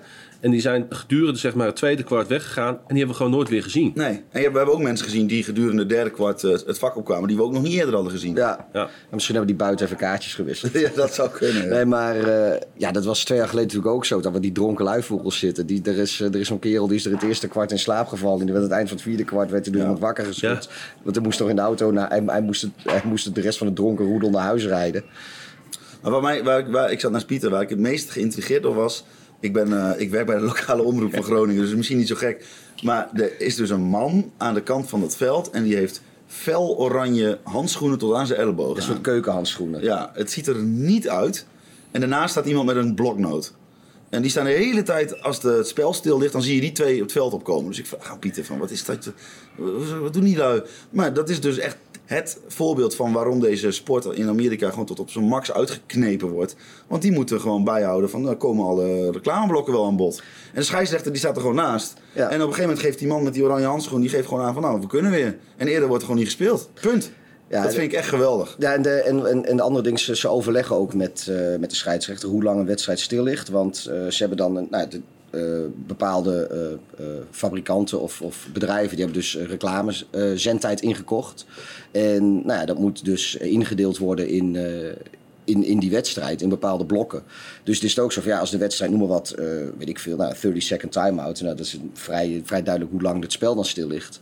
En nou, dan kunnen ze misschien eh, twee re- reclames van elk 15 seconden kunnen ze daar precies in passen. Maar het kan ook best zijn dat er, eh, weet je, als ze, als ze van eh, tussen de twee kwarten in, dat ze dan net even eh, iets langer, dat ze het net even een paar seconden langer laten duren. Want dan kan er nog net een ander sportje tussen. Dat wordt allemaal overlegd met, eh, met ook inderdaad ook met de scheidsrechter. Maar- Zodat alle ingekochte reclames gewoon uitgezonden worden. Maar die reclames krijgen wij weinig van mee. Ja. Op het moment dat de reclame op televisie is, dan is er entertainment in het stadion. Ja, ja, ja, ja, ja. ja. Het En gaat in het de gekste stadion- dingen? De gekste dingen, ja. Ik heb een een race gezien tussen drie mensen verkleed als kopjes koffie of zo. Wat was Nee, dat? wat was het? Een, een, een flesje Miller Lite, een blikje Miller Oh, ja. Lite en een metalen fles, fle- flesblikje Miller Lite. Die trouwens awesome lekker drinkt. Maar goed, die, die drie Vond- varianten Het was moesten... wel jammer dat het meteen duidelijk was wie er ging winnen. Ja, dat, dat flesje, dat wordt niet, die Nee, speelde het- vals. ja. Nee, het blikje, die, Het die, blikje ze vallen. Nee joh, die werd aan de kant geduwd door dat oude flesje. Maar dat wat is schandalig. Het, eh, eh, eh, we hebben denk ik eh, qua spel niet de meest revolutionaire wedstrijd gezien die in de NFL ooit geweest is. Bij lange na niet. Maar je hebt zoveel, ja, dat is denk ik het grootste verschil met. Ik kijk nu ook wel regelmatig thuis eh, eh, NFL-wedstrijden. En daar heb ik toch echt wel moeite mee om een hele wedstrijd te kijken, omdat ik dan een beetje wegdommel, zeg maar. Ja, in het stadion is dat minder. In het stadion, nee, maar er is gewoon. Je wordt zo. Wow, wat, oh, ze zijn hier ook een boel aan het opruimen. Wordt- je wordt constant visueel en eh, audio, auditief geprikkeld. Gewoon aan één stuk door. En dat, dat vond ik ook zo. Ja, dat, we hadden het net over die service, dat daar zo. eh, eh, over die, die militairen. Ja. Volgens mij was de, de. Op een gegeven moment werd er iemand uit de hoge hoed getoverd. En die was, die ja, die was- was die was- sergeant en die, had tijdens de- een, die, had, die werkte tijdens 9-11 werkte die in het Pentagon. En die had na dat 9-11 was gebeurd 60 uur mensen uit het puin gehaald. Nou joh, dat staat. Ik heb dat. Die- Volgens mij eh, de, een winnende touchdown haalt het er niet bij. Nee, nee dat, eh, dat, dat stadion wordt echt, echt helemaal gek. Is trouwens ook waanzinnig dat die man dat gedaan heeft. Dat is ook zo. Oh ja, nee, dat, oh, nee dat, ik zeg ook niet... Ik bedoel, Maar ik de van- manier waarop ermee wordt omgegaan in vergelijking tot mensen die iets voor de community doen en, en, en de daklozen voeden. Ja. Die worden ook geëerd en het applaus eh daartussen vergeleken. Ja, dat, Beetje pijnlijk. Ja. Ja, maar ja goed. Deze was dan misschien wel heel specifiek, omdat hij dat 9-11, daar zit natuurlijk wel een speciaal randje ja, goed, het Ja. was natuurlijk ook een speciale week eh, in de Salute the Troops Week. eh. maar je hebt waarschijnlijk een waanzinnige ervaring gehad. En Ja. eh, je gaat er nog één krijgen. Want dit, dit weekend ga jij naar de Sunday Night Football Game tussen de Ravens en de Browns. En in Nederland ben ik bij voetbalwedstrijden ook altijd ongelooflijk fan van het avondgevoel. Ja. En eh, ik wist dat de NFL vooral eh, eh, hè, die zondag eh, vroege wedstrijden had. Dus toen ik hoorde dat wij naar avond gingen, was ik daar wel extra blij mee. Ja. Ja. Ik denk dat het geweldig wordt, maar daar komen we nog op terug. Jij hebt ook nog niet zo vaak een avondwedstrijd gehad. nee. Eh, ja, in Londen was er, was er, was er een, een, een avondwedstrijd. Want die was natuurlijk om, om na zes uur dan eh, eh, eh, Eng- Engelse tijd. Dus dat, eh, dat was een semi-avondwedstrijd. Maar ik ben eh, eh, vijf of zes jaar geleden, daar wil ik afwezen, ben ik bij Monday Night Football geweest. was de home opener toen. De Eagles op bezoek bij de Chicago Bears. Ook op Soldier Field. Dat was inderdaad ook met een flyover. En eh, Eh, heel veel eh, extra poespas nog, want het was de eerste thuiswedstrijd van de Bears dat seizoen. Dus dat, eh, daar zit er nog, nog iets extra bij. Ja. Ja, en toen we nog weggingen had, ik- had, had ik ook nog wel een momentje wat ik echt bizar vind. Want ja, ik, ik kende dat niet. Maar in Amerika vinden ze het kennelijk normaal om eh, de eh, stoom die van het verwarmen van de stad afkomt... gewoon midden op straat, gewoon uit putten te laten komen. Ja, som- in New York doen ze dat ook. eh, maar heb het heel, veel, nooit heel veel steden doen het ook niet. Maar ja, delen van New York hebben dat. Detroit heeft dat. En dan krijg je dus dat, dat beeld dat de mensen van het stadion weglopen door die stoomwolkjes heen. Dat, ja, dat vond ik zo ja, het, heeft een beetje een... een, een God, hoe heet die film met... Blade Runner-achtige achtige vibes geeft dat, eh, vind ik wel. Nou, met jouw goedvinden zetten we jouw foto even bij onze social media Ja, eh, post. Kunnen mensen kijken wat jij bedoelt. Hey, ehm, ehm, ehm, toen wij hier in Baltimore aankomen... en eh, we gaan al een beetje naar het einde van deze podcast toe... eh, reden wij s'avonds van Baltimore Washington International Airport... naar, naar, het, naar downtown Baltimore... En dan rij je op Baltimore af. En wat doemt daar op een gegeven moment helemaal paars verlicht M&T Bank Stadium. Dat had ik ook niet verwacht. Dus dat was een welkome verrassing. Maar dat was een waanzinnig gezicht, hè? Ja, mooi paarse lampen erop. Ja. Ja, en ik wil ook nog wel even uh, terugrefereren naar een uitspraak van jou. Want ik vroeg aan jou op het vliegveld, en ben je al thuis? Toen zei je, Nou, ik zeg straks wel. nee, je zei, ik moet eerst de ellende zien, dan pas ben ik, Ik moet thuis. eerst de ellende zien. En dat eh, werd ook eh, gelijk werd dat waargemaakt toen wij gisteren ons hotel uitliepen om eh, nog even een drankje te doen. Het eerste wat je ziet is op de eerste de beste eh, straathoek zie je iemand liggen in een slaapzak. Eh, eh, schuilend voor de kou. Dus het Ja, is dat- wel een. eh, een, een eh, Dat is echt, weet je, dat, dat, dat, dat, eh, toen wij gisteren door Detroit liepen, was er in, op een gegeven moment zo'n man die ging op de grond liggen naast zo'n stoomput. Ja. Om, om met, met een dekentje over die stoomput om zichzelf op te warmen. Ja, dat is wel triest. op, op, aan, aan de stoom die, die daar uit de grond komt. En echt midden op de stoep. Want nou ja, we, dat, wij kwamen er ook net aan. Het, het, het, het is een uitgestorven stad, eh, wat je zei, desolaat. Dus er was al niet zoveel volk op de been. En, en echt 50 meter voor onze neus. Dus ik, enerzijds denk ik, hij had het gewoon koud en hij doet dat. Het doet gewoon. Aan de andere kant denk ik, ja, misschien was het wel ook weer. Timed hij dat dan wel weer zo in de hoop dat wij medelijden krijgen en hem wat dollars Ja, toestoppen. is, dat, dat is wel een onderdeel van Amerika wat wel eh, Maar het- lastig is als buitenstaander. Ja, maar het, het is wel, eh, weet je, je, je moet wel heel, heel eh, cynisch in het leven staan, wil dat je niks doen als je dat, dat soort Nee. tafereelen. Hetzelfde in, in Chicago was dat ook. Als ik, ik lag dan in bed en ik had op, op, op hoofdkussenhoogte, zeg maar, in de muur een raampje. En nou, dan deed ik even de, de, de Luxaflex eh, een kiertje maken, kon ik naar buiten kijken. Nou, er lag, eh, altijd lag daar een man eh, in het steegje achter het huis. Die lag daar in een, in een nisje bij een garagedeur, lag die te slapen.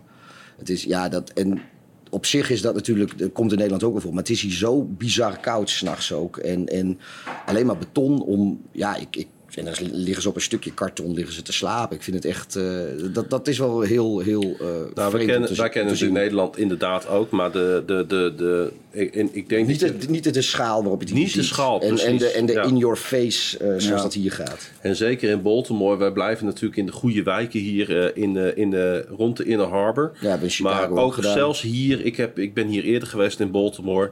Ik heb, ik heb zelfs iemand eens een keer letterlijk met een naald in zijn arm over straat zien, eh, zien lopen. Helemaal de weg kwijt. Daar word je toch even, eh, even niet goed van, zeg maar. Hoe eh, erg mensen de weg kunnen kwijt zijn. Maar dat heb ik in Chicago eh, heb ik dat ook al gehad, eh, helaas.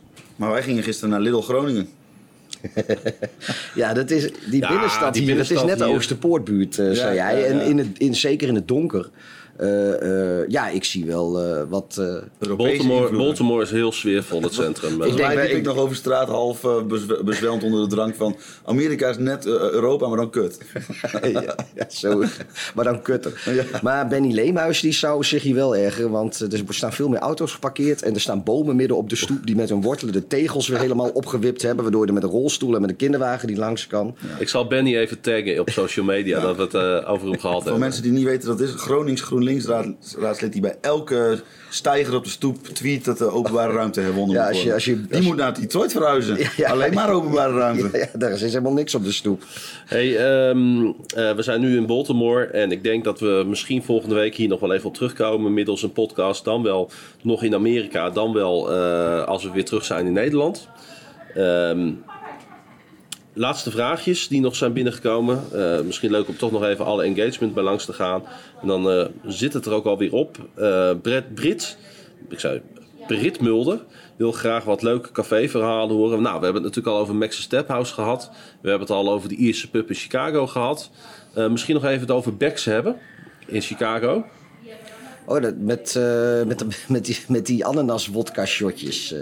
Met de ananas, wodka en drie eh, Amerikanen die ons eh, vonden. Die eh, het heel interessant vonden dat eh, wij uit Nederland kwamen. En dacht, waarvan één zo dronken was. Dat hij met zijn eigen zwagers op de vuist ging of zo. Ja, ja, die komen bij ons en die vertellen heel verhaal van... ja, waar komen jullie vandaan? Nederland. Oh, hartstikke mooi. Ik ben ook wel eens in Duitsland geweest. Ik denk, ja, Ja, en, dan, en, nog en even, dan- en en nog even over zei- dat Deense koningshuis van jullie. ja, maar dan van ja, maar, maar eh, eh, Nederland, ja.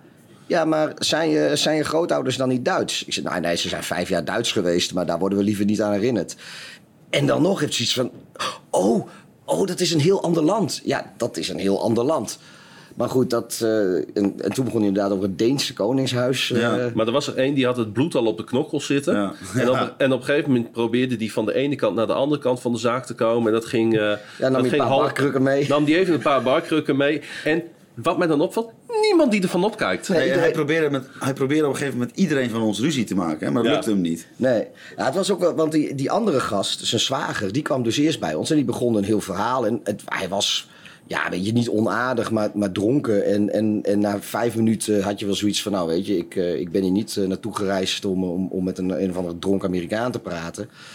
Maar eh, verder was het geen onaardige man. Maar die vertelde ook van ja, ik heb net op straat heb ik staan vechten met mijn zwager en eh, bla bla bla. Maar die. eh, en ik had echt zoiets dit is voor lul verhaal, jongen. En hij zei van ja, maar goed, hij, dat, dat lukte niet helemaal, want hij is toch te dronken. Dus. En even later kwam die dronken zwager er inderdaad aan. En die legt zo'n hand op de bar. En zijn hele knokkels liggen helemaal op, allemaal bloed. Ik, ik dacht, wat de fuck. Dus het is wel gewoon echt. Ik dacht, het is gewoon een lulverhaal. Maar dat bleek dus inderdaad niet zo te zijn. Ja, en wat mij opviel is dat je hoeft maar vijf minuten met een gemiddelde Amerikaan te praten. En je weet alles. En ze willen je hele levensverhaal vertellen. Ik bedoel, dit was niet een heel leuk verhaal wat hij mij vertelde. Maar hij vertelde mij gewoon binnen tien, eh, tien minuten dat, eh, voordat hij vorig jaar dan opa is geworden en dat een van de twee tweeling overleden was. En dan staat hij gewoon eh, Ja. binnen tien minuten tegen mij als een eh, klein kind eh, te janken dat te vertellen. Ja, Amerika is een par- paradijs voor social engineers die, eh, die graag eh, zeg maar je, je security vragen voor je wachtwoorden willen weten. Van eh, wat is je moeders meisjesnaam en hoe heet je hond en eh, waar ben je op school geweest? Want ze vertellen het je gewoon. Alles. Ik hou er wel van. Ja, ik vind Ja, nee, het is, het is voor small talk in de kroeg is het echt geweldig. Ja. Dus je zit toch in het moment dan. eh hey, misschien wel de belangrijkste vraag eh, van allemaal. Herman Blauw die zegt: Hebben jullie het een beetje naar je zin? Hols. Och, jongen, Wat vind je van deze reis? Ja, geweldig. Je laat je helemaal onderdompelen in een ander land. Ik loop gewoon braaf achter jullie aan. En eh, ik eh, neem alle invloeden in me op. Af en toe een avondje sla ik het, eh, het, eh, het- de kroeg even over, want anders hou ik het niet meer vol. Gisteren was het eh, half twee, dus dat Dit was een goede avond. was een goede avond. Ja. Max Stephouse. Maar het was natuurlijk, eh, als wij nog op Chicago-tijd leven, wat we al een paar dagen weg zijn, maar voor ons was het half één natuurlijk. Dus Ja. dat scheelt dan wel. Ik ben nog nooit in Amerika geweest en eh, ik kijk wel heel vaak films die uit Amerika komen. En met, met iedere Amerikaan eh, met wie ik praat, denk ik, jij zou sowieso een gemiddelde Amerikaanse film kunnen. Het is gewoon, het, ze zijn allemaal zo overdreven zichzelf. Ja, ja. Het is onvoorstelbaar. Ik denk soms echt, laat me met rust. En gewoon, ook in Nederland. Van, ga, doe niet zo... Maar die mensen zitten zo hoog in de energie in hun gespreksvoering. Ja. En eh, misschien nog even de olifant in de kamer. Want in Nederland, op dit moment waar de meeste van onze luisteraars zitten, eh, loopt het allemaal weer een beetje uit de klauwen met, met maatregelen en ellende. Nou ja, dat werd, Maar, eh, eh, die, die vraag die stond inderdaad nog op mijn Ja, lijstje van Jorg. Die zegt, hoe ervaren jullie de coronaregels in Amerika? Nou, het is inderdaad heel raar om hier eh, naar volle stadions te gaan... terwijl in Nederland we weer in een eh, semi-lockdown Ja, eh, en, en tot half twee, twee uur in de kroeg kunnen zitten. Ja. Of, of langer, als die, zolang de kroeg open is, kun je er zitten. Hier. En in Illinois, overal binnen, eh, terwijl je loopt, verplicht een mondkapje. Kom je in eh, Michigan, Michigan, Michigan Alleen eh, recommended. En nu zijn we in Maryland en is het weer eh, verplicht binnen. ja. Ja, het is heel bizar om te zien dat in ieder geval in de stadions niet gecontroleerd wordt op coronatest of Nee. eh coronavaccinatie. Ja, bij de eh, bij de Bulls wel. Bij de Moesten ons wel. vaccinatiebewijs Maar laten ons zien. Europese eh, vaccinatiebewijs eh, was daar gewoon uh, geaccepteerd. Volgens mij ieder papiertje. Als je een foto, Ja, als je als je een gewoon- foto van je schoonmoeder had, eh, dan kwam je ook gewoon binnen, denk ik. Als, als het maar... Ja, maar volgesnoten eh, eh, tissue ook wel. Maar wat, wat, wat me ook opvalt hier, we hebben één iemand in ons eh, eh, gezelschap die had wat eh, verkoudheidsklachten. Je kan hier op iedere straathoek laten Ja. testen. Hij testte wel twee keer negatief gelukkig, maar Maar het is zo laagdrempelig. Je loopt gewoon je hotel uit. eh, één blok verderop zit de CVS Pharmacy. Daar uh, rammen ze een wattenstaaf in je neus. Of, of een prik als, als je wil. en, en tien minuten later heb je, heb je uitslag. Maar je kan je daar ook gewoon laten vaccineren als je dat wil zonder afspraak. We, we zouden, als we dat echt per se zouden willen, zouden we hier nog Onze onze, booster kunnen halen. Ehm, eh, ja, dat, wat dat betreft, kijk, sommige dingen zijn hier heel slecht geregeld. Maar, maar de laagdrempeligheid waarmee je hier kan vaccineren en, en vooral ook testen. Dat, dat, ja, dat, daar sta ik ook wel van te kijken. Dat, eh, Maar wel met de auto, hè? wel met de auto. Hey, eh, heren, hebben jullie nog iets te melden over de wedstrijden die we hebben gezien? Over eh, ervaringen, over sfeer? Wil je nog iets vertellen over Rolla Bolla bij de Bulls? Ja, dat is denk ik mijn hoogtepunt. Wij zagen in eh, de krant dat eh, de dag voordat wij er waren, speelden de Bulls ook. Dat eh, de halftime show werd gedaan door niemand minder dan Armin van Buren. Maar wij hadden Rolla Bolla, een of andere Bolla. mafkees die, die met, op een PVC-buisje met een Met plank, glittertjes. met een glittertje, een plankje erop. En dan bouwde, zette hij er nog een PVC-buis tussen en nog een plankje. En dan stond hij op een eh, stellage van twee meter hoog een beetje te dansen met hula hula hoops en zo. Ja. Het is, ja... Ik, En op een gegeven moment ging hij dat op een, op een plateau doen dat weet ik, een meter of twee hoog was. En Ja. dan ging hij daar klom hij op en dan werd daar dat hele, de hele Sinterklaastafel werd weer uitgepakt. En dan moest hij er bovenop springen. Dan denk je van, nu is het gebeurd. En dan komt er in één keer echt een peutertje. Een soort mini-me van hem. Ja, ja in, in, ook in een rood glitterd pakje. Die komt daar in één keer dat, eh, het veld, of de, de, de, de court van United Center op, opgedribbeld. En die zwaait wat naar het publiek. En die, en die doet wat dansjes. Met zijn heupen en Ja, met, ja, met, ja, met ja. dansjes. Nou, dat vinden die Amerikanen schitterend. Jee, een kind die wat kan. Ik ook hoor. ik stond, dat is de enige keer dat ik op de bank heb gestaan. maar Naast goed. de Donut race. Ja, als, als- ik bedoel, ja, hier is het dan prestatie. Als je als kind zinnelijk bent, dan klappen ze al voor je. En eh, nou ja, goed, dat, dat, dat jochie... Ik zal maar niet zeggen wat ik eh, tegen jou zei toen die eh, op P2 PVC-buizen dat kind op zijn nek nam.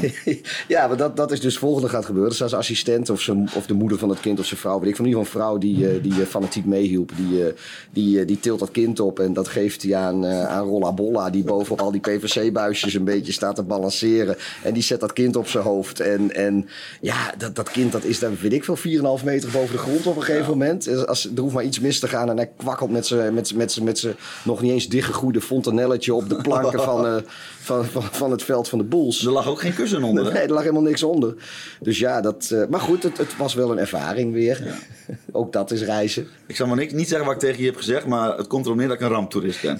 ja. Nou ja, toen dat. We, we, we- ja, we, we kunnen gewoon eerlijk zijn. Toen, eh, toen die man daar een beetje op stond, zoiets, het zou toch, het zou toch eh, hartstikke hilarisch zijn als, eh, als zo'n rolletje er tussenuit schiet. en, hij- en hij kwakkert van dat, van het tafeltje af. Maar toen hij dat kind op zijn op zijn ding had, was zoiets van: nou, misschien is het nu wel beter als hij wel even blijft staan. Want dat is. eh, Hey, we hebben nog eh, een paar mooie dagen voor de boeg. Ja. Eh, we gaan afsluiten. Laatste, misschien wel belangrijkste, belangrijkste stukje engagement. Het lijkt ons wel geschikt eh, om wat tips met jullie te delen. Voor de luisteraars die soortgelijke avonturen willen beleven. Zoals Melvin Pennekamp, die via Instagram vraagt. Hebben jullie tips voor mensen die zelf ook een NFL-wedstrijd willen bezoeken? Nou ja, mijn antwoord zou heel simpelweg zijn: gewoon gaan. Ja. Je kunt super makkelijk online tickets kopen. Ticketmaster. ja, geen, je- geen clubkaartverplichting. Je hoeft niet lid te worden ergens van. Nee. Nee, we hebben, het, we hebben het er al eens eerder over gehad. We hebben een keer een, eh, een hele podcast een beetje gewijd aan, eh, aan dit soort reizen. Toen het speelschema bekend werd, hebben we dat gedaan met. Frank. Weet je, zoek gewoon eh, eh, een stad of een, of een club op die je graag wil bezoeken. Kijk gewoon naar het wedstrijdschema. Klik op tickets. Er zijn altijd voor iedere club, is voor alle wedstrijden zijn over het algemeen wel tickets te krijgen. Zeker als je wat vroeger in het seizoen gaat. De ene wat duurder dan de andere eh, natuurlijk. We, we hebben het even niet over de prijs dan, maar Nee. dat kan eh, wel aardig in de papieren lopen, afhankelijk van waar je heen wil. Eh, maar, maar, maar doe dat. Het is, eh, het is super, eh, super makkelijk. Het gaat via Ticketmaster. En zolang ook, ook wederverkoop gaat via hun. Dus je bent via de clubsite ben je eigenlijk altijd verzekerd van geldige werkende tickets. Ik zou mensen niet adviseren om het op een andere manier te doen, want dan loop je echt wat meer risico. Ehm, ja, je kan het, kijk, een hotel of Airbnb boek je in die stad. je boekt de vluchten naartoe. Dat, dat, weet je, het is Het is- allemaal in het Engels. het We is- spreken allemaal Engels. Het is Het is- 2021, het moet te doen zijn. Eén eh. ding, eh, neem een creditcard mee. Ja, oh ja, je bent zonder, zonder creditcard ben je, ben je aardig mank in, eh, in de Verenigde Staten. En ja, de- de- installeer de apps Lyft en Uber op je telefoon. Ja. En je wordt overal voor een paar dollar heen gereden. Ja, dat is, eh, die rideshares, dat, dat werkt er ook hartstikke Eventueel zou je, je hebt wifi is hier wel alom Ja. goed, goed geregeld. Eh, maar wat je kan doen, ik geloof dat dat, eh, ik heb er ook even naar zitten kijken, voor, een- dat kost tussen de 50 en, en, en 80 euro. kun je voor een, een maand lang geldige unlimited data simkaart kopen voor de Verenigde Staten. Dat is misschien wel handig. eh, dan hoef je niet van wifi naar wifi-punt als je, als je een, een lift of een Uber wil boeken of iets anders op wil zoeken. Dan kun je gewoon lekker je telefoon gebruiken zoals je dat in Nederland doet. En, En, eh, en ja, dat, dat zijn denk ik wel de belangrijkste Ja, en kijk, naar de, en kijk naar de combo's. Hè? Want wij zaten zaterdag zaten wij bij collegevoetbal, zondag bij NFL, Ja. maandag bij de NBA. Nou, als je zoiets kan vinden. Ja, als je hockey of hockey of honkbal, eh, eh, ja, als je zoiets inderdaad... En weet je, als dat s'avonds is, heb je overdag nog tijd genoeg om lekker die steden in te gaan. En dan zit je s'avonds lekker bij basketbal, drink je nog een biertje, ga je lekker naar bed en dan is er weer een volgende dag. Ja, en als je toevallig aan de, aan de westkust doet, dus zeg maar de Los Angeles, San Francisco, Seattle teams of, of de Arizona Cardinals en de Las Vegas Raiders eventueel. Lekker autootje huren en een beetje langs de Grand Canyon en al die nationale parken daar. Dan kun je, van, eh, kun je in de weekenden kun je naar wedstrijden, door de week je de natuur in. Oost, eh, Oostkust is iets minder interessant daarvoor. Nee, maar dat is voor de stedentrips, Ja. weet je. Je hebt eh, Baltimore, Washington, Philadelphia, New York met twee teams. Boston is, is nog af te reizen vanaf hier. Het is niet. Genoeg, nee, je moet, wel, je moet wel sparen. Of een goede baan hebben, of rijke ouders. Nu kijk, nu kijk je mij aan, maar ik heb, ik heb geen rijke ouders. Geen baan. ik heb wel een baan. Oké. Hey, ik wil graag eh, eh, deze nu al legendarische podcast eh, tot een einde eh, brengen. En dit was, eh, wat was het, eh, seizoen 2, aflevering 27 vanuit de United States of America. Vanuit Baltimore, Maryland eh, was dit eh, ja, een toch wel hele bijzondere aflevering. Eh, wil je hierop reageren? Dat kan natuurlijk via onze Twitter, Facebook en Instagram kanalen. Het NFL op woensdag. Wil je ons volgen en ook onze reis? Dan kun je Wouter volgen via Het, het Holsappel op Twitter. Pieter via Eh Darth laagstreepje hideous, ook op Twitter. mij via Klaasje Grun. En eh, Frank natuurlijk via FF laagstreepje Metsenmakers, ja. Ja. En eh, voor als je op de hoogte wil blijven van al onze avonturen op deze reis, eh, dan is voor nu denk ik de hashtag Bears, Bears, Birds. Dus dat is Oh ja, die doe ik. vogels. Dat doe, die doe ik nooit. Dat vind ik een beetje puberaal. Maar goed, eh, die, daar is genoeg, genoeg op Twitter te vinden onder die hashtag. Kun je ook even in de gaten houden. Hey, iedereen bedankt voor het luisteren en eh, tot de volgende. NFL op woensdag. Beste mooi weer. best of all year.